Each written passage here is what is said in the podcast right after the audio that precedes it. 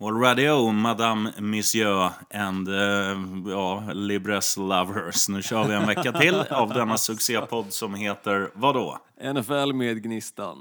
Och Me, Myself and I, sheriffen på andra sidan uh, luren. Hur slogs du av att säga Libres Lovers? Alltså, det är väl ingen som gillar alltså, Libres? Jag tänker ju bara på de här mensreklamerna. De är ju hemska. Ja, jag var på damernas innan nu så stod det en sån förpackning där. Det, jag tror det är därför jag har det på näthinnan. Men ändå, Libres Lovers istället för Wine Lovers som han eh, Frithiofsson sa i TV4 Nyhetsmorgon. Lite Ja, han är skillnad. kung. Fritiof. Ja, jag tror inte det kommer komma in någon där inom kort och säga Good morning Libres Lovers. Ja, det är inte omöjligt. Det här kan, Inte kanske, omöjligt. blir en ny, kanske blir ett nytt uttryck som blir, blir spread worldwide. Vi får se. Ja, ja. rund.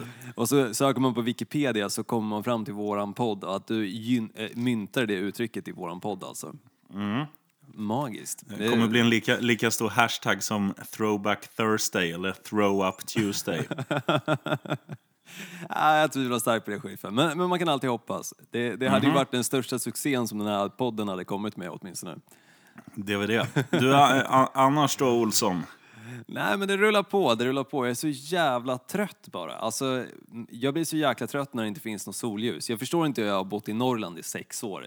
Eh, nu, nu liksom när den här vintern kom, då känner jag bara så här, hur, hur kunde jag ens bo där uppe? Alltså, det är liksom mörkt från typ september till maj. Men sen är det bara ljust. Men nu är liksom i Växjö, det är fan söderut. Alltså nästan så söderut du kan komma. Det är liksom tre timmar, nej två timmar från Malmö. Men trots det så är det fan inte ljust för fem öre. Det är så jävla mörkt, jag blir så trött. Men annars är det bra. Ja, du är inte ung och kåt längre, det där vet det försvinner. Tillsammans med att flikarna kommer så försvinner piggheten och potensen också. Aldrig tur. Aldrig tur. Själv då? Ja, Filippa? eh, nej, eh, jag, har, eh, jag lider av samma fenomen. Jag är skit... Eller jag ska inte säga, jag är inte trött så här på dagarna, men jag är trött på morgnarna. I morse skulle jag gå upp klockan åtta för vi hade ett möte på jobbet. Eh, halv, Oh, ja, den är halv, elva, halv elva knackar Majsan på mig. Skulle inte du upp åtta? alltså. Ja, sheriffen. Det är så kul att du säger att liksom halv åtta är en jobbig tid för dig att kliva upp. Eh, vi andra människor som lever i den verkliga världen som inte börjar jobba klockan, fyra, eller klockan två på dagen, vi är ju för fan uppe redan vid klockan sex på morgonen.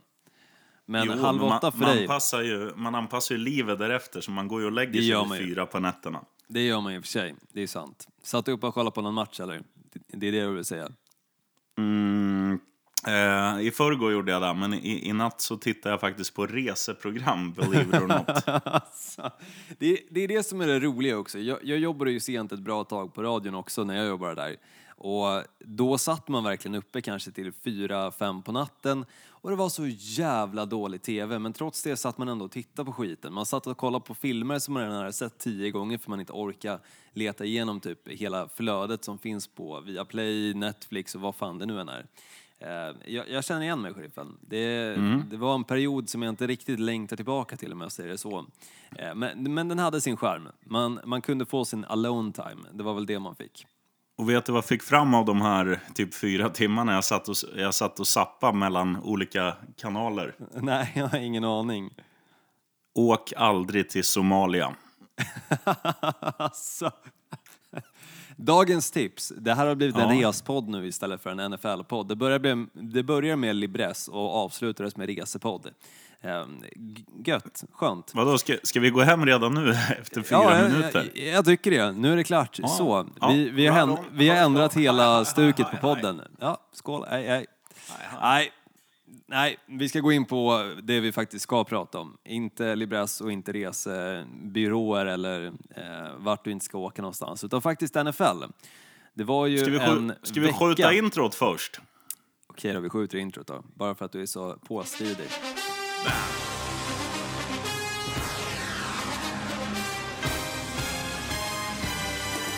They're feel it. Thanks for having way. we good. we good. Oh, he's thrown out of bounds over on the far side, and there's a couple of penalty flags. This is totally out of control. All right, vi är tillbaka. Vad, vad sa du Olsson? Det har varit en, en vecka? Eller det är det väl varje ve- vecka tänkte jag Ja, ja, nej, men jag menar mer att det var en vecka med sjukt många skrällar tycker jag åtminstone. Dels så var ju Matt Stafford skadad så han spelar inte i helgen. Jag tror det var första matchen på typ så här 163 matcher som han inte har startat för Detroit Lions. Ehm, Så det var ju en ganska given seger för Chicago Bears, även fast det såg ut ett tag som att Lions faktiskt kunde ro hem den här matchen, eller åtminstone ta den till övertid. Sen hade vi en annan match i Cleveland Browns där jag trodde att Buffalo Bills lätt skulle vinna för att Buffalo Bills tycker jag åtminstone under säsongen har varit det bättre laget. De står på 6-3. Innan ma- matchen då stod de på 6-2. Eh, också lite av en skräll där. Men innan jag egentligen drar av alla de här skrällarna så tycker jag att eh, vi ska lyssna lite på takeaways från dig, sheriffen. Ehm, ja, det, alltså, man, man kan väl säga så här att Ehm, Drew Brees gör väl sin sämsta match i mannaminne. Eh, och eh, det är väl inte bara hans fel, utan det är väl också hela Saints eh, offensiva linje som låter Atlantas defensiv rada upp sex stycken sacks. Och det som är häpnadsväckande med det här, det är att tidigare under säsongen, sju spelade matcher, så hade de mäktat med just sex sacks. Eh, sex Jo, jag sa rätt, det lät fel. rätt. Ja. Eh, och och det, det är ju häpnadsväckande, för att är det något som liksom Saints har varit duktiga på genom åren, det är ju att ge Drew Brees tid i fickan. Det är klart att han har åkt på en sack här och där, men det, det här var ju helt sjukt. De såg ju lamslagna ut och Atlanta Falcons som att de hade ätit både anabola steroider och taggtråd till frukost, så det var ju helt galet. Men det var den sjukaste matchen i helgen, definitivt med tanke på att Saints liksom klev in i den här matchen och det kändes verkligen som det är ett av de starkaste lagen i NFC, om inte hela NFL också. Och så åker de på däng mot ett lag som endast har vunnit en match. Visst, de hade en bye week, Falcons. Nu kommer ju Matt Ryan tillbaka i den här matchen, men alltså det är Falcons som vi har sett de tidigare sju, åtta matcherna. Det var ju inte samma Falcons som klev ut på eh, Saints arena då. Mercedes-Benz Stadium, utan det var ett helt annat lag. Och det var väldigt fascinerande att se, för att det här var ju det Falcons som jag trodde mig få se när säsongen drog igång. Men de kom, kom in nu i vecka 10 och började leverera. Det är lite för sent, chanserna för slutspel är ju redan över. Eh, Men kanske kul för Falcons del att säsongen inte är helt jävla körd, utan att de faktiskt kan rädda upp några segrar och åtminstone få tillbaka lite självförtroende för nästa år då. Eh, men för Saints del, det är ju verkligen gå tillbaka till ehm, skolbänken och se till att läsa på vad, vad de gjorde fel. För att det var inte mycket som var rätt i den här matchen. Alltså deras försvar såg riktigt dåligt ut. Anfallet fungerar inte överhuvudtaget. Alvin Kamara var rätt kass. Eh, Latavius Murray använde de typ inte överhuvudtaget. Det var inte det Saints som vi har sett i tidigare matcher helt enkelt. Nej, pissblöta. Och pissblöt, eh, om man ska ta en till takeaway så får man väl ge eh, din polare då i Baltimore Ravens, deras, deras nya eh, farbror som heter Ryan Finley. Han hade inte sin roligaste dag på, på jobbet i sin första match. Eh, alltså, Du menar Cincinnati Bengals hoppas jag? Baltimore Ravens hade en Ja, succématch. ja det, var de, det var de han, han mötte, förlåt Ja, mig. ja, eh. Givetvis Cincinnati Bengals, bra Olsson.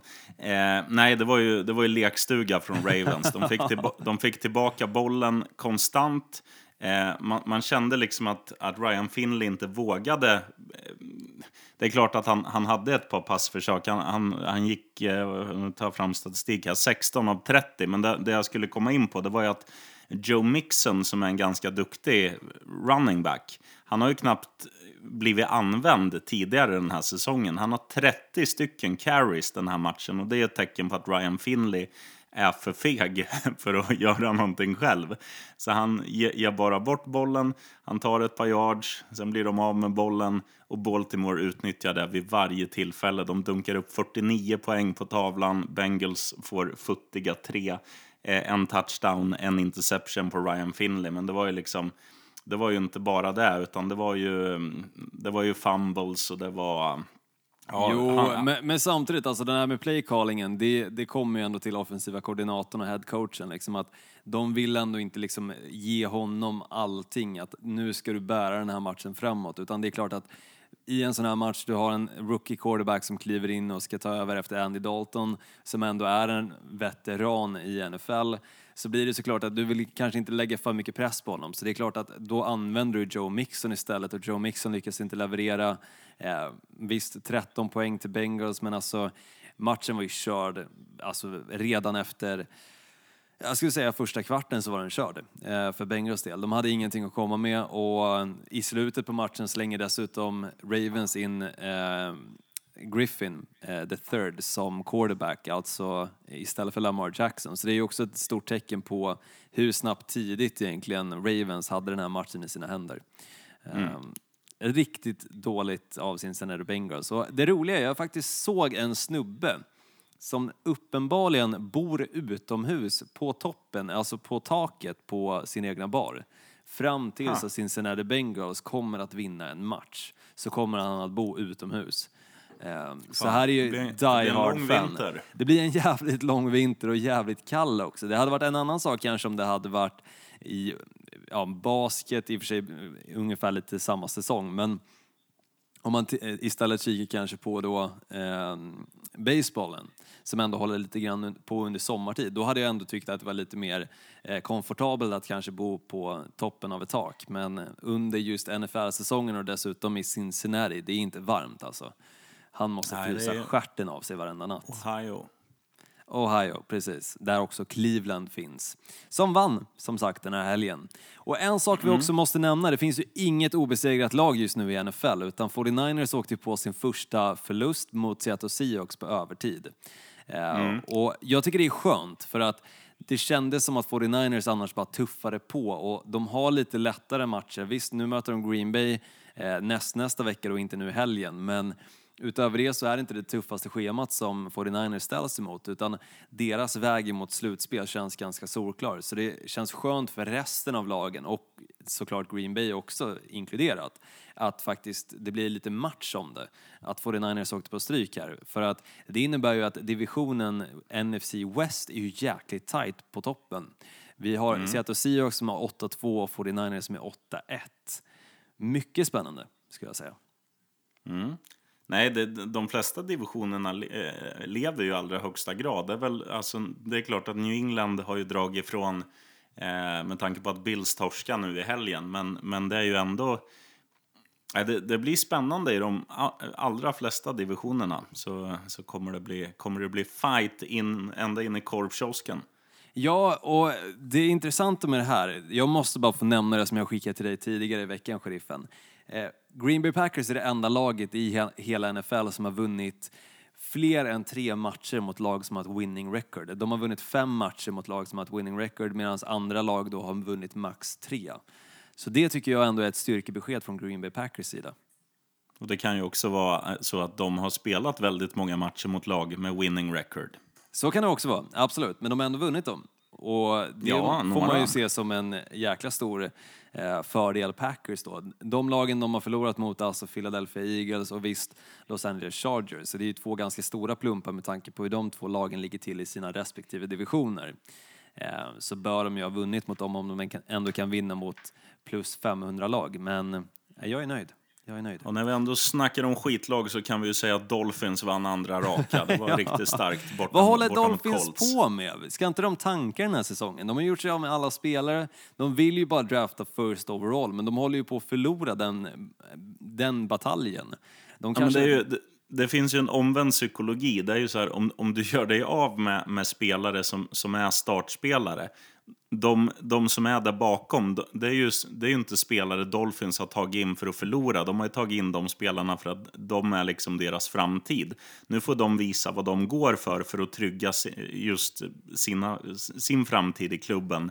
Eh, få bättre kontrakt och allt sånt där. Så det, det är ju inte så att, att du kommer in från bänken och känner så här, ja ah, vad kul, nu ska jag in och förlora. Utan det är ju, nu ska jag in och visa att, att, att de har gjort rätt som har Ja, gjort sig av med de andra så att de satsar på mig. Det är så det funkar och, och det är där man ser, alltså det, det är klart att det inte är liksom, det är ju inga, inga spelare som kommer, alltså så- ja, som är om du skulle gå över till din granne och knacka på, tjena Rogga, kan du, kan du nämna tre spelare i Miami Dolphins? Det är inte så att man kan göra det längre för att alla namnkunniga har ju dragit.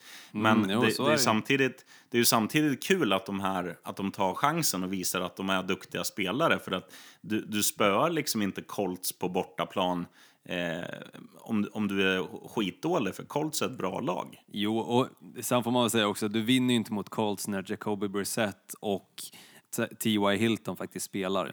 Eh, om du är Miami Dolphins som inte har några spelare. Eh, Nej, så är det väl. Men så de, de hade ju ändå flax med just den här matchen att de mötte ändå ett lag som, som hade två av sina bästa spelare på eh, sidlinjen istället. Eh, Jo, men se- de har ju samtidigt hitt, hittat någonting. För om man, titt, om man backar en vecka så var det ju liksom, man, man låg väl under med, man låg ju under hemma mot, mot Jets i den matchen och sen tog man sig i kragen. Fitzmagic gjorde det han kan och eh, hittade Devante Parker och de här spelarna som ska göra det nu när alla andra är borta. Och det, det funkar ju liksom. Nu är det nu är det två raka och sky's the limit. Vi kan, ju alltså, vi kan ju alltså landa på ett positivt record om vi håller i det här. Då landar vi på 9-7. Fan vad sjukt det skulle vara. Alltså det, det hade varit så jävla sjukt om alltså Dolphins skulle vända hela säsongen. Låt oss säga att Bills alltså går helt åt andra hållet och förlorar merparten av matcherna. Så står vi helt plötsligt i slutet och summerar säsongen och börjar prata om slutspelet och så är Miami Dolphins med som ett wildcard. Mm, och de möts ju i helgen. Det De kommer vi möts in i på helgen. strax. Mm, absolut, det ska vi göra. Men innan vi gör det, sheriffen, eh, så lite händelser eh, som har hänt då i veckan. Det är några stycken eh, som är ändå lite ögonbrynshöjare. Bland annat Colin Kaepernick kommer hålla en workout i Atlanta på lördag i hopp om att kunna komma tillbaka till NFL. Och vilket lag tror du kommer nappa i så fall? Om man gör det bra, det vill säga. Ja, alltså... Det beror lite på vad, vad tanken är om han ska vara...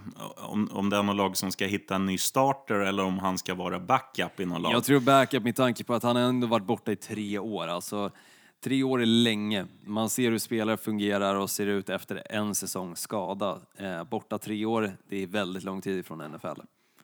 Ja, Jag säger, det det laget som har absolut sämst quarterback-situation i skrivande stund tycker jag är Washington Redskins. Absolut, Eh. och då kan vi gå in på den biten direkt egentligen att Dwayne Haskins kommer starta resten av säsongen för Redskins. Och kommer de egentligen kunna knipa en seger med han som quarterback? är ju stora frågan. Ja, någon ynka Victoria kommer säkert trilla in, eh, men eh, det är ju...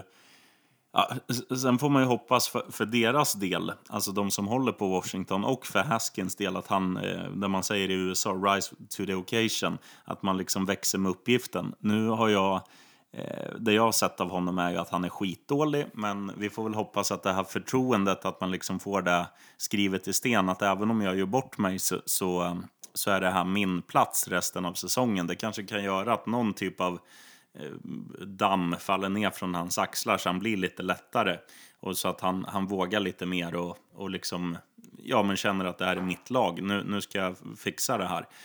Um, Ja, han har ju en stor chans nu i helgen mot eh, New York Jets som står på 2-7 eh, och inte har sett jättebra ut. Alltså någon vecka har de sett ganska stabila ut och någon vecka har de sett riktigt risiga ut. Eh, väldigt upp och ner lag som man då när Sam Darnold kom tillbaka och de spöade Dallas Cowboys så sa man helt plötsligt att Jets kommer ju vända den här säsongen. Det finns fortfarande en chans. Men sen så gick det totalt åt andra hållet. För veckan därpå tror jag att det var Miami Dolphins-matchen som de förlorade. Ehm, så det, det är ju ett lag som definitivt Washington Redskins kan spöa om de bara får till allting med Dwayne Haskins. Eh, och ehm, för att svara på Kaepernick-frågan ännu en gång så skulle jag säga två andra lag som jag vill kasta in. För att om man tittar på Pittsburgh, deras situation. Big Ben, han är gammal som gatan. Han, är, han har gått sönder nu, kommer säkert gå sönder igen. Eh, det kanske vore något att titta på, få in en, få in en rutinerad jävel. Och sen eh, Finley som vi snackade om i Cincinnati. Det är klart att det var hans första match. Man ska inte, man ska inte gnälla för mycket, men det är, det är kul att gnälla också. Så vad fan, Cincinnati, ta, ta honom och släng Dalton till hajarna. Ja, absolut. Eh, men sen till en annan quarterback. Det är tre quarterbacks som vi ändå pratar om här i händelser. Cam Newton kan tänka sig en trade. I och med nu att han är skadad, sitter på IR, kommer inte spela den här säsongen med Carolina Panthers, så finns det alltså en stor potentiell chans att han inte kommer spela i Carolina Panthers nästa år heller. Mycket beror ju såklart på hur det går för Kyle Allen som nu förlorar i helgen mot Green Bay Packers. Men som sagt, Cam Newton kan ändå tänka sig en trade och har varit öppen med om det skulle vara till exempel Chicago Bears som skulle vilja trada till sig honom. Men vilka andra spekulanter kan det finnas? Eh, jag tror att det kan finnas ja, i alla fall ett tiotal lag som, sk som skulle vilja ha in en sån där. Alltså om man bara tar de vi har nämnt nu, eller de jag har nämnt, Pittsburgh, Washington. Eh, jag skulle kunna tänka mig ett lag som Tampa Bay kanske vill skaka om. Alltså James Winston har ju inte fått det att, att flyga, även om han är, han är helt okej. Men eh, kanske en nytändning, att man gör någon trade så, att de går vice versa eh, skaka om laget lite, få in en, eh, en ny QB. Eh, vad finns det mer för alternativ? Alltså, eh, Indianapolis Chargers Colts. är också ett alternativ i och med att Philip Rivers är ganska gammal. Ja, Atlanta Falcons. Han är ju inte purung heller, Matt Ryan. eh, tittar vi på... Ja, ja, det är väl typ dem. Men det är klart, om, om, han, om han säger att han gärna vill gå till Chicago, då kan ju det, det kan ju också vara en sån här... Det, det kan ju vara en positiv grej för båda lagen, för att om de får in Trubisky och han inte är en given etta, Kyle Allen är inte en given etta, att du får en konkurrenssituation inför nästa år, då, då måste ju båda de liksom höja sig. Och då kan, då kan det bli ganska bra oavsett vem, vem du sätter där. Och kommer han då till, eh, Cam Newton kommer till Chicago som har ett eh, ja, bättre försvar i alla fall, då, då kanske det blir att matcherna blir lite mer... Han behöver inte ta samma risker utan han kan, han kan spela lite lugnare och så här, gör de 20 poäng så kan det ändå räcka till vinst och, och så. Han kanske kan få eh, ja, men, lite mindre smällar och sådär. Så att det, det är nog inte helt åt helvete. Jag tror att ett lag som hade passat Cam Newton ganska bra ändå eh, och som känns som ett steg i rätt riktning för både egentligen laget och för Cam Newtons räkning så skulle jag säga Denver Broncos som ännu inte har hittat rätt med sin quarterback. De har försökt i några år nu sen de gjorde sig, eller sen Peyton Manning gick i pension helt enkelt.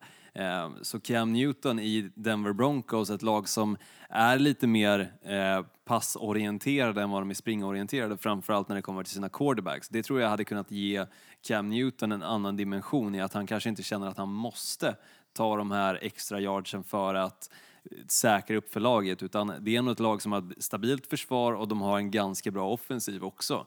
Men med Cam Newton i spetsen så hade det varit eh, eventuellt en contender till att kunna åtminstone gå till slutspel, eh, tror jag. Så Ja, Cam Newton absolut. och Denver Broncos hoppas jag på. Ja. Eh, för att få lite nytt liv i det laget. Det låter rimligt. Men då till lite rookies, sheriffen. Tredje veckan på raken så vinner jag en match med mitt rookie fantasy-lag. Det är helt sjukt. Här snackar vi om folk som ändå har suttit och tänkt till när de draftade i sin fantasy och ville liksom ha bra spelare, rutinerade spelare och jag går bara på pyrunga rookies eh, som ändå nu har lyckats vinna tre matcher eh, åt mig. Dock så har jag förlorat sju också, men det behöver vi inte snacka allt för mycket om. Som Nej, sagt, det har Dolphins också. Så det har är Dolphins också. Allting kan vända. Livet, eh, livet ler mot mig just nu, åtminstone mitt rookie-lag. Eh, och rookiesarna som sagt gjorde det jävligt bra i helgen. Jag hade ju mina rookie predictions eh, för helgen som var.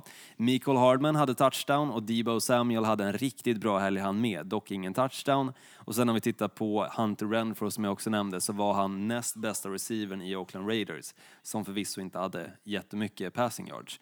Men om vi går till de som faktiskt ligger med på den här listan den här veckan. Now it's third and 22. Josh Jacobs, running back i eh, Raiders. 16 rushes för 71 yards och en touchdown. Tre mottagningar hade han också för 60 Och, eh, yards. en, och en väldigt viktig touchdown ska sägas. Det var ju det sista som hände typ i den där matchen Ja. när han punkterade. Det var han som vann matchen åt dem. Och du var Ja. inne på det att Oakland Raiders skulle vinna den här matchen mot Los Angeles Chargers. Eh, just av anledningen att det var en liten flunkmatch de hade mot Green Bay Packers. Green Bay, som har spelat mycket bättre, men Oakland har ändå legat på en stabil nivå och gått ganska bra framåt, åtminstone de senaste veckorna. Ehm, så ehm, roligt för Josh Jacobs att fortsätta eh, sin lilla sprint till att förhoppningsvis kunna bli Offensive Rookie of the Year. Mm. Och ganska sjukt när vi, när vi ändå snackar om Oakland. Liksom, de hade ju, när vi snackade upp dem inför säsongen så berättade vi om deras sinnessjuka start på, på sitt spelschema. Men nu ser det ju ganska bra ut för Oakland och det här är... Man ska det- inte räkna bort dem. Absolut inte. Jag pratade med en kollega idag som är ett Die Hard Oakland-fan. Han bor för övrigt i Miami. Eh, han var ju supertaggad på den här säsongen och kände liksom att det här är vår, vår säsong. Vi kommer fan kunna fixa en slutspelsplats och där har vi en stor chans att kanske kunna knipa en, två matcher och sen eventuellt komma till sin Championship, vad som händer där. Allting kan ske. Eh, så eh, Raiders, absolut inte det laget du ska räkna ut längre. Från Ska du höra vad varken de har helgerna kvar? eller eh, slutspel. Jättegärna. De har alltså eh, hemma mot Cincinnati, borta mot New York Jets, borta mot Kansas City, hemma mot Tennessee Titans, hemma mot Jacksonville Jaguars, borta mot Los Angeles Clippers, höll jag på att säga, Chargers, och borta mot Denver Broncos. Det är väl... Ja, det är klart att det blir tufft att, att spöa Kansas City på Arrowhead, men, men annars är det ju... eh, De skulle ju lika gärna kunna vinna varenda match här. Ja, absolut. För- Alltså, utom det, den. det kan bli eh, tre förluster lika gärna som att det kan bli en förlust. Eh, mycket beror på vilken form de kliver in i matcherna med. Om vissa spelare som är väldigt tongivande, till exempel Josh Jacobs, blir skadad. Eller faktiskt Derek Carr som har haft en riktigt bra säsong det här året. Eh, vi s- snackade ner honom otroligt mycket och förstod inte varför de inte såg till att försöka, försöka sig på en trade upp för att drafta Kyler Murray istället för att få lite mer sexappeal i det här Oakland Raiders. Men jag tycker att Derek Carr är den quarterbacken de ska kliva, kliva in i Las Vegas med. Eh, helt klart. Han eh, börjar Ja, ja. bli en bra posterboy.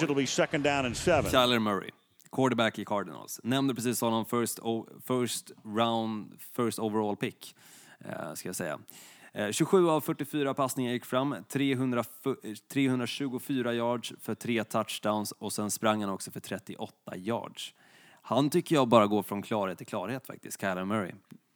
Ja, och, och det, det vi snackade om där med att eh, han dåren i Washington, eh, Haskins, ska Haskins, få mm. chansen. Det är någon sån typ av utveckling man vill se hos honom, att han blir bättre och bättre för varje match. För att det Kyler Murray gör, det är ju dels utnyttjar han ju sina styrkor. Han är duktig både på att passa men framförallt att, att springa med bollen. Och sen ser man ju också att han har fått en jävla fin kemi med framförallt eh, Larry Fitzgerald och sen vad heter han då? Nu Christian namnet. Kirk också. Just det.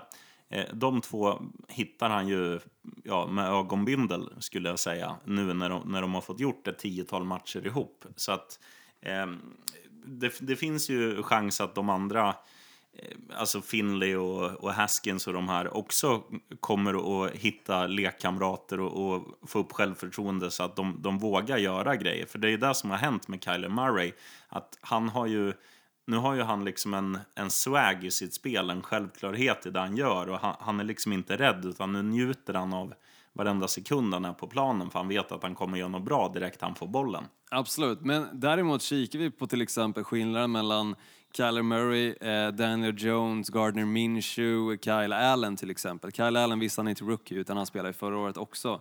Men om vi bara tittar på de spelarna som ändå klivit in nu det här året som antingen eh, starting quarterbacks ett tag eller hela säsongen. De har ju börjat sina matcher väldigt bra.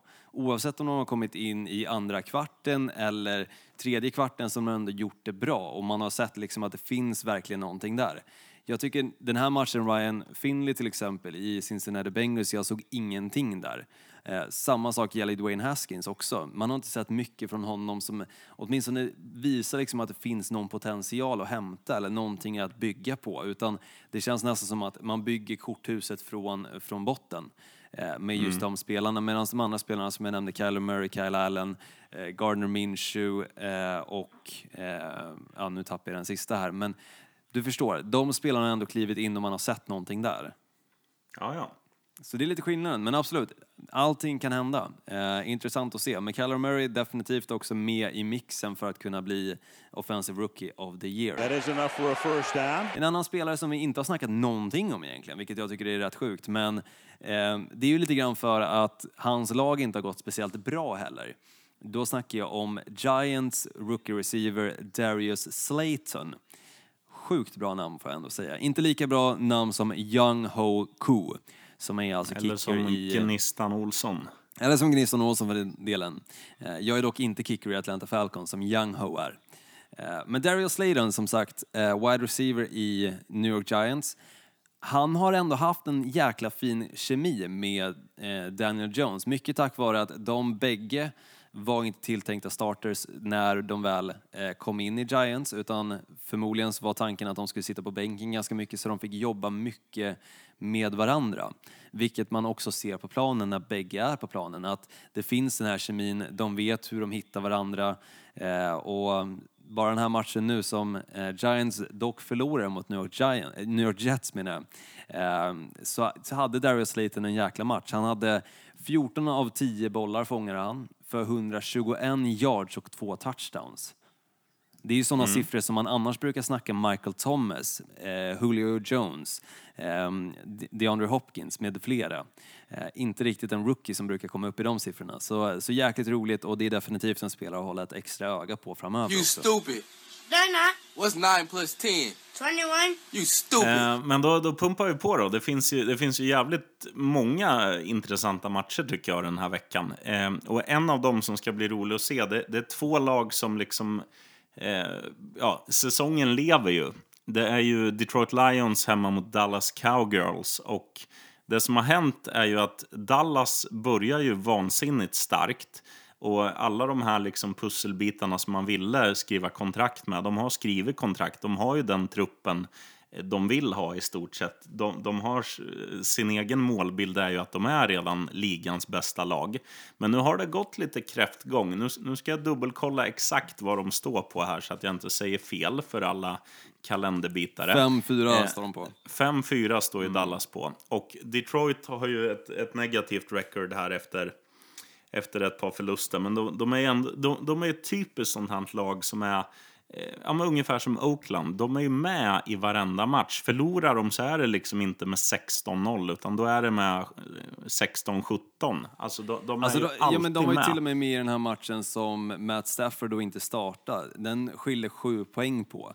Eh, det säger ändå någonting om vilket lag de ändå sitter på. Att tappar man sin starting quarterback som har startat 160 någonting matcher då ska det gå knackigare än att du ändå ligger en touchdown ifrån och dessutom får chansen att kunna leverera den sista driven, att försöka få in den där touchdownen. Dock så gjorde de inte det såklart, men fortfarande, hoppet fanns där matchen igenom att faktiskt Detroit Lions kunde vinna den.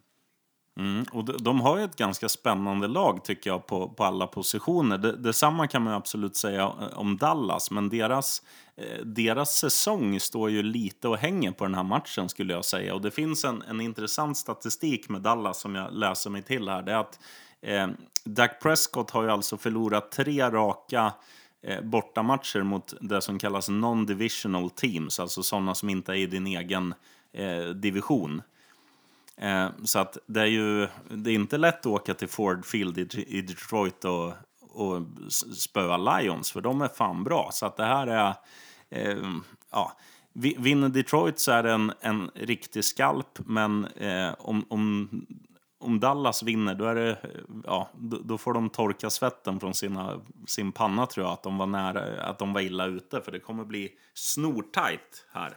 Det kommer bli tight, det tror jag absolut. Och eh, det intressanta är ju faktiskt att den divisionen Dallas spelar i är ju vidöppen just nu när det kommer till vem som har chansen att ta hem den.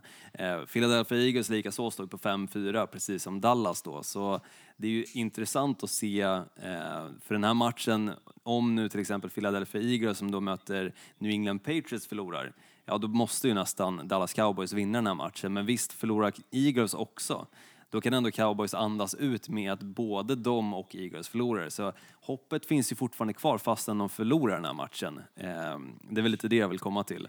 Eh, men såklart, viktigt att vinna matcher. Framförallt bortamatcher också, för det är ju hemmamatcherna som är lite lättare att vinna. Ja, och sen om inte jag minns helt fel så har väl också Philadelphia Eagles eller vann inte de inbördesmötet med Dallas? Det kanske, kanske var tvärtom. Skitsamma, men det är...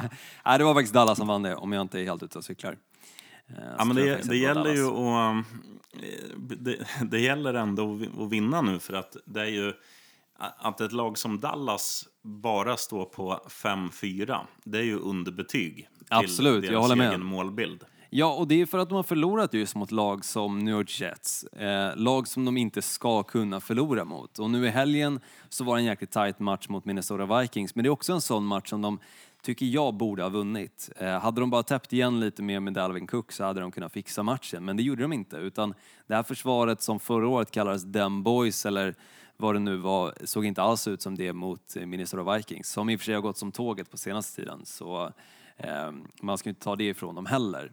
Eh, Men trots det, intressant match i helgen. Jag håller med. Jo. Till min match då. Eh, Som jag ändå tycker är, om inte, nej, jag skulle nog fan säga definitivt den mest intressanta matchen på två, tre veckors tid skulle jag nog säga. För att här får vi se två stycken potentiella MVPs drabba samman och dessutom två stycken väldigt mobila quarterbacks, alltså två stycken quarterbacks som kan både passa bollen och springa med den. Och när de väl gör sina moves utanför fickan så brukar det se ut som magi. Jag snackar om Baltimore Ravens som spelar hemma mot Houston Texans. Ja, jag trodde du menar Ryan Fitzmagic mot Josh Allen i, i Buffalo. Men fortsätt du. Nej men som sagt, alltså det, det, här, det här mötet tycker jag känns syrevast och definitivt den matchen som jag kommer sitta och följa mest med tanke på, nu har ju Green Bay Packers en bye week så jag kan ju sitta och njuta av alla andra matcher utan att behöva sitta och ha ångest över vad som potentiellt kan ske i deras match. Eh, så den här matchen kommer jag njuta jäkligt mycket av för att jag tror att det kommer vara sjukt roligt att kolla på den. Det är intressant intressanta är att Texans försvar har inte tillåtit en 100 yards rusher sedan 2017. Och då snackar vi ett Baltimore Ravens som nu kommer att drabbas samman mot det här Houston Texans på hemmaplan. Samma hemmaplan som de lyckades spöa New England Patriots som deras försvar dissekerades av just Lamar Jackson. Eh, vilket jag tror att han kommer kunna lyckas med med Houston Texans också. Och kunna springa över 100 yards, lika så med Mark Ingram som eh, bägge tror jag kommer ligga över 100 yards. Men trots det så kommer det vara en intressant match och den kommer gå ner mot eh, sista minuterna för att avgöras.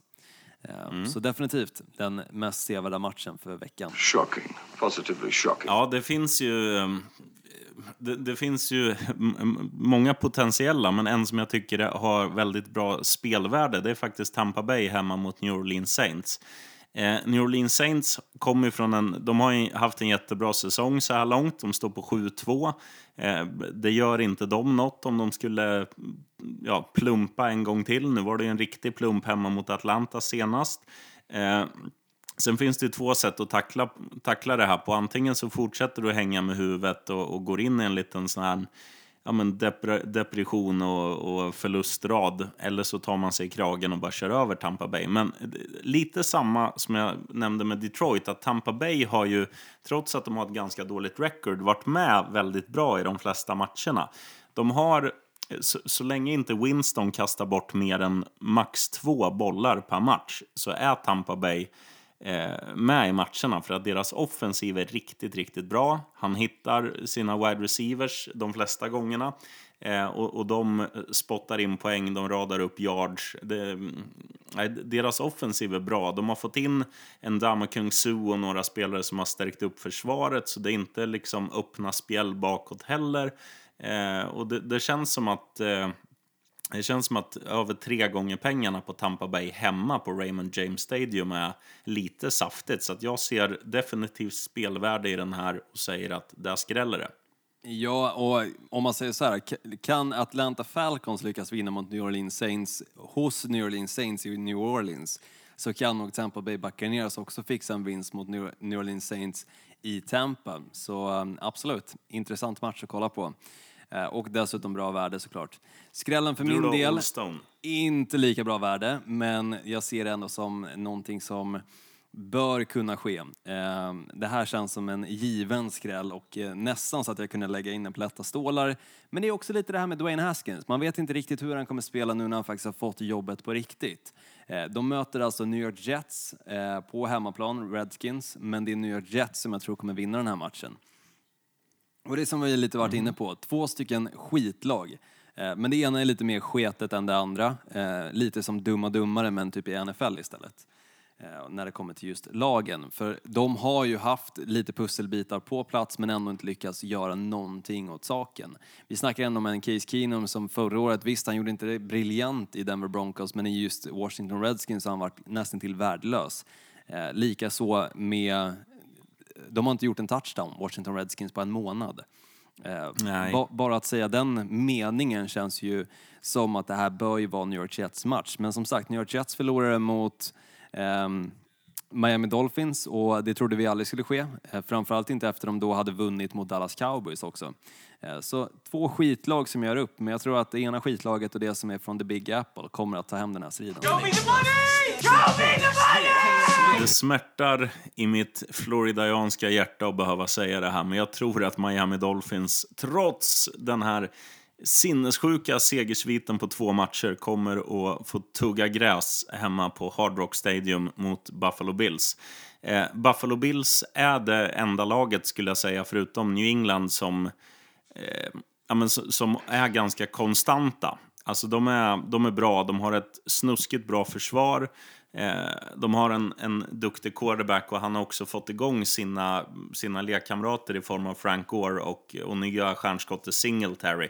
Nu, nu får inte de eh, så mycket snaps, utan eh, han springer gärna själv med bollen också, Josh Allen. Men är det något vi har sett i Miami i år så är det att de är inte jättebra att försvara sig mot, mot springspel. Och kommer det då liksom en trehövdad eh, springspelsbuffel mot dig så, så kommer det bli jobbigt. Eh, och Buffalo har ju... Alltså det, det är klart att Miamis spelare, som jag var inne på tidigare, har sina egna positioner och, och sina framtida karriärer att spela för. Men Buffalo har ju faktiskt en slutspelsplats att jaga. Och Absolut, eh, är det någonting som, Det någonting som tyngre. definitivt, något som definitivt är möjligt också. De har ju, Mm. även om de in, inte har en suck, det går ju inte för man har New England i divisionen, inte kommer vinna divisionen, men ett wildcard, ett wildcard till slutspel är ju fullt rimligt, så att de måste ju gå fullt här och och gö- gör de det så, så spöar ju de Dolphins 19 av 20 gånger som det ser ut i år. Absolut. Jag, jag gillar bara den eh, jämförelsen, eller hur du, hur du målar upp Buffalo Bills. Trehövdad springspelsbuffel. Eh, Ja. Fantastiskt. Eh, jag, jag önskar att de hade använt det själva som slogan, ungefär som det där med Libress som vi nämnde i början av avsnittet. Bara leverera sådana här nya slogans för företag. Eh, Fantastiskt. Du kanske får jobba med det sen, sheriffen, istället. Reklambyrå. Le- Reklambyrå, precis. Du bara sitter och levererar sådana grejer dag ut efter dag in. Eh, ja, till min lätta stålar då. Oakland Raiders hemma mot Cincinnati Bengals. Behöver jag säga mer? Nej, Nej, då går vi vidare till Gnistans rookie predictions istället. kör. ja, men det behövs ju inte säga någonting om Cincinnati Bengals. Alla har ju sett dem under säsongen. Vi var inne lite grann på hur jävla dåliga de är och förmodligen att den här snubben som då äger den här baren kommer behöva sova ute på taket då eh, resten av eh, december och eh, även ja, januari i och för sig slipper han ju, men november, december får han ligga där. Så det räcker med Men sa du, inte, sa du inte tills de vinner en match? Då får han Jo. ju sova där fram till nästa säsong. Jo, exakt. Och jag vet inte om han kommer dra ut på det till nästa säsong eller om han faktiskt skiter i det efter säsongen är över. Vi får se. Jag ska försöka följa upp det där i slutet på året såklart. Eh, kommer förmodligen ha glömt bort det. Men ändå, lite rookie predictions då. Jag säger att Dawson Knox, inte en spelare som jag har pratat alls om, men tight end i Buffalo Bills. Han har haft en stabil match i vecka tre mot Cincinnati Bengals, men fick mer förtroende nu faktiskt i helgen mot eh, Cleveland Browns. Och jag tror faktiskt att han kommer ha en rätt bra match mot Dolphins och få åtminstone en touchdown. För att jag tror att det kommer komma ner till en situation där eh, de är i red zone och han som är ganska stor, eh, oftast brukar ju Tides ends vara det, kommer att kunna bryta ifrån sin försvarare och fånga bollen, boom, touchdown för Dawson Knox. Sen, eh, ja, spelare som vi kanske kommer prata mer om nästa vecka. Sen tror jag Marquis Hollywood Brown, wide receiver i Ravens, har snackat en del om under säsongen. Jag tror att han kommer ha en kanonmatch mot Texans då deras försvar har varit riktigt svaga med just receivers. Så jag tror att han kommer ha över 100 yards och en touchdown också. Sen tror jag att Kyler Murray kommer fortsätta tuffa på som tåget, alltså quarterbacken i Arizona Cardinals. Han kommer chocka dessutom NFL-världen och vinna mot 49ers. Han kommer ha två stycken passing, passing touchdowns och en rushing. Och det hade varit stort om eh, Cardinals faktiskt lyckas vinna den här matchen mot 49ers. Det var nära sist de möttes. Och nu det vet de absolut. definitivt vad de ska jobba på. De har dessutom sett hur man vinner mot 49ers. Så med de två matcherna i bagaget så har de definitivt en chans att lyckas. Eh, Så eh, spännande match även den. Arizona Cardinals mot San Francisco 49ers. Vem som vinner. Yes. Över till trippen, sheriffen. Eh, ja, eh, det finns ju väldigt... Man kan ju göra det enkelt och bara spela det man har sagt, men det vore roligare och Jag tror ju på en ganska... Eh, vad ska man säga? Jag, jag tror på mycket touchdowns den här veckan, om jag säger så. Jag tror att man kan spela över 4,5 som linan brukar ligga på mellan Baltimore och Houston. Jag tror man kan spela samma, eh, till och med krydda det till 5,5 mellan Carolina och Atlanta.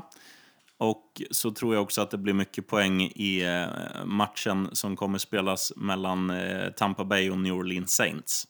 Ja, Eh, det är en sån match som jag inte är helt jävla säker på om det faktiskt kommer bli så mycket poäng. För det kan lika gärna komma ner till att det är eh, Saints försvar som spelar absolut bäst på planen. Och då är det en match som kommer hålla sig nere på kanske 17-20. Där någonstans. Ja, alltså, alltså över fyra touchdowns. Över till Olsson. Okej okay då. Eh, min trippel då, New York Jets vinner mot Redskins. Och sen säger jag att Josh Jacobs har över på rushing yards mot Bengals. Jag tror han kommer totalt springa över det här laget i och med att han är den givna spelaren när det kommer till springspelet i Oakland Raiders. Och Cincinnati Bengals, vi såg ju hur det gick när de mötte eh, ett bra springlag. De släppte in 49 poäng mot Baltimore Ravens. Så Josh Jacobs kommer ha ytterligare en bra helg. Och sen tror jag att en touchdown för Debo Samuel, wide receivern i eh, San Francisco 49ers, kommer att ske också. Så lite sheriffens room for improvement då, innan vi rundar av. Ja, då ska jag rikta mig till två stycken försvar som eh, verkar... Ja, jag vet inte vad de gjorde i helgen. Eh, vi snackar om Kansas City Chiefs. De släppte alltså in 35 pinnar borta mot eh, ett ganska offensivt trubbigt lag, Tennessee Titans. Eh, nu är ju inte de kända för att ha världens bästa försvar, men de, de måste ändå de de måste hjälpa Mahomes och company för att de har inte råd att förlora hur många matcher som helst. Deras säsong är långt ifrån säker som den ser ut nu. De står på 6-4. Eh, nu möter man eh, Los Angeles Chargers borta. De har ju egentligen inga att spela för förutom att grusa för andra. Men de måste fan vakna den här veckan. Kansas City eh, Chiefs defensiv. Nej men Chargers har ju absolut någonting att spela på. De, de står på 4-6. Och kikar Ja, man på resten av alltså divisionen... nej, det är absolut inte kört skulle jag säga. För kikar man på resten av divisionen eh, så finns det en stor chans faktiskt. Med tanke på att Oakland Raiders står på 5-4, Kansas City Chiefs står på 6-4. Så fortsätter Kansas City Chiefs att göra sådana matcher som de gjorde i helgen mot Tennessee Titans. Och Oakland Raiders kanske går på en plump efter plump. Ja, då har ju fortfarande Chargers en stor chans att faktiskt kunna kamma hem den här divisionen. Det är väl den divisionen som jag skulle säga är nästan mest öppen om man bortser från AFC South, där det är ännu tajtare faktiskt. Och det andra laget som, som måste mm, ta på sig suspen och, och skärpa sig, det är ju faktiskt New York Jets. Eh, vi, vi har snackat en hel del om dem. Nu är det en passande uppgift mot, mot en rookie quarterback som är hur dålig som helst, eh, Dwayne Haskins. Ehm, de, ja, nu vann de senast mot, mot New York Giants, men det var ju ändå inte deras defensiv som har varit deras liksom, kännetecken senaste tre fyra åren som, som var där, utan det var ju, de spottade in, vad blev det till slut, 34-27 va? Mm, jag tror det blir något sånt. Eh, så att de behöver ju också eh, smacka på. eh, Ja, så här, vad ska man ta det för exempel? Du vet när du, när du ogillar någon politiker så ser man ofta att hans nuna sitter på en piltavla. Ungefär så ska de liksom, deras mentalitet mot Dwayne Haskins vara. Pumpa på, krossa den jäveln. Ja, lite mer spel från Jamal Adams som han gjorde mot eh, Daniel Jones när han bara slet bollen ur händerna på honom och sprang in för en touchdown. Lite Ja, sånt vill vi gärna se i matchen. dem. Ja, absolut, jag håller med. Eh, tåls att nämna i och för sig, Kansas City Chiefs och Chargers, de möts ju i Mexico City. Mycket intressant. Vart ligger det där då? Ja, i Mexiko, såklart. Bra, bra Olsson. Jag skulle bara se om du visste. Alltså. Ja, det hade varit jävligt konstigt om jag sa. Nej, men det ligger väl i... eh, Ja, nu kommer jag inte på något. Colombia. Det kanske Vet du vad huvudstaden i Mongoliet heter då? Nej, det har jag ingen aning om, men det är klart att du vet det för att du frågar. Ulan Bator. Okej, tack. Tack sheriffen. Med de, med de visa orden så tycker jag vi rundar av så ska jag dricka upp min whisky och sen gå och lägga mig. Det är därför du har svamlat så mycket om Green Bay idag. Nej, Green Bay står skojar. 8-2! 8-2! Det är så jävla skönt. Alltså det är så jävla skönt Olsson? att säga det. Alltså, ah, mm. Alltså det är nästan erektion på mig så fort jag tänker Green Bay. Tänk att jag ska få se jävla- dem. Det är jävla otur att inte jag klipper den här podden för då hade jag kunnat klippa bort det där sista. Men, eh, men bra. Njut så länge det varar Olsson. Så- Ja, ja. Men det är bye week nu i veckan och sen möter vi 49ers och sen ska jag till New York och kolla på Green Bay. Och då, då är det kommer de bye vinna. bye. Och nej, de kommer ju vinna den matchen. Enkelt, sheriffen. Enkelt, enkelt, enkelt. Mm, mm, Aj, aj, aj, aj. Smakligt. Ja, nej. Tack eh, för denna vecka, Larsson.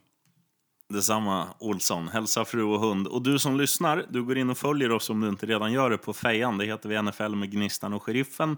Eh, Du, framförallt Olsson, slänger upp grejer där titt som tätt. Och, och, Exakt, som till skön- exempel Jung Ho Koo. Ja, och det är skön liksom lyssnar, lyssnar community för att ni, Mm. ni som lyssnar, det, det är kul att, att ni liksom eh, hör av er där och kommer med ja, men, idéer och frågor och, och roliga bilder och så här. Ja, det är bara att pumpa och sen, på. sen tåls det att säga också, för att det var en av våra lyssnare som hade skrivit i vår grupp att jag råkar spoila matchen Green Bay Packers Carolina Panthers. Och jag förstår att det är inte det roligaste när du väl har förväntat dig att kunna sitta en tisdagkväll och kunna kolla på den matchen även fast den spelas på söndagen. Eh, men, men jag vill ändå slänga ut en liten Eh, notis om att vi faktiskt inte har sagt någonstans i vår grupp att vi är eh, spoilerfria. Utan eh, det skrivs ganska fritt om de flesta matcherna när väl matcherna är igång. Eh, så mitt bästa tips är håll dig borta från sociala medier om du inte vill se några spoilers. Ja, och eh, det kan man ju säga till alla som lyssnar att eh, så länge man följer, framförallt om det blir en vinst och du följer ditt favoritlag liksom på Instagram eller vad som helst, det är det första du får upp när du, när du gör din morgonrutin. Du kollar Instagram, du kollar Facebook, du kollar mail, du kollar allt liksom. Ja, Så det, jag, det kan går. inte, jag kan inte inte se matchen och sen se den i efterhand. Det är fysiskt omöjligt för mig för att jag bettar ju alltid på matcherna och sen framförallt om det är Green Bay då sitter jag för sig uppe och kollar på de matcherna men om det nu skulle vara så att jag inte kan se en match då, då måste jag ju se vad som händer. Jag, jag kan inte klara av den spänningen av att sitta, och, sitta med igenom en hel match, den här liksom misären som är av att inte veta vad som kommer ske och så vet du att runt hörnet så kan du kolla, vann jag några stålar eller vann mitt lag? Eh, jag kan inte kolla i efterhand, det går inte. Eh, så som sagt, det kommer lite spoilers, det får man räkna med. Ja, ja, ja. Ja, ja, ja. Du, eh, spoiler, Dolphins förlorar i helgen. Vi Ja. hörs Olsson. Det gör vi, skål, hej! Pass out of the backfield, right? Bozzy Whitaker back toward the middle of the field to the 40, the 35, breaking tackles. It's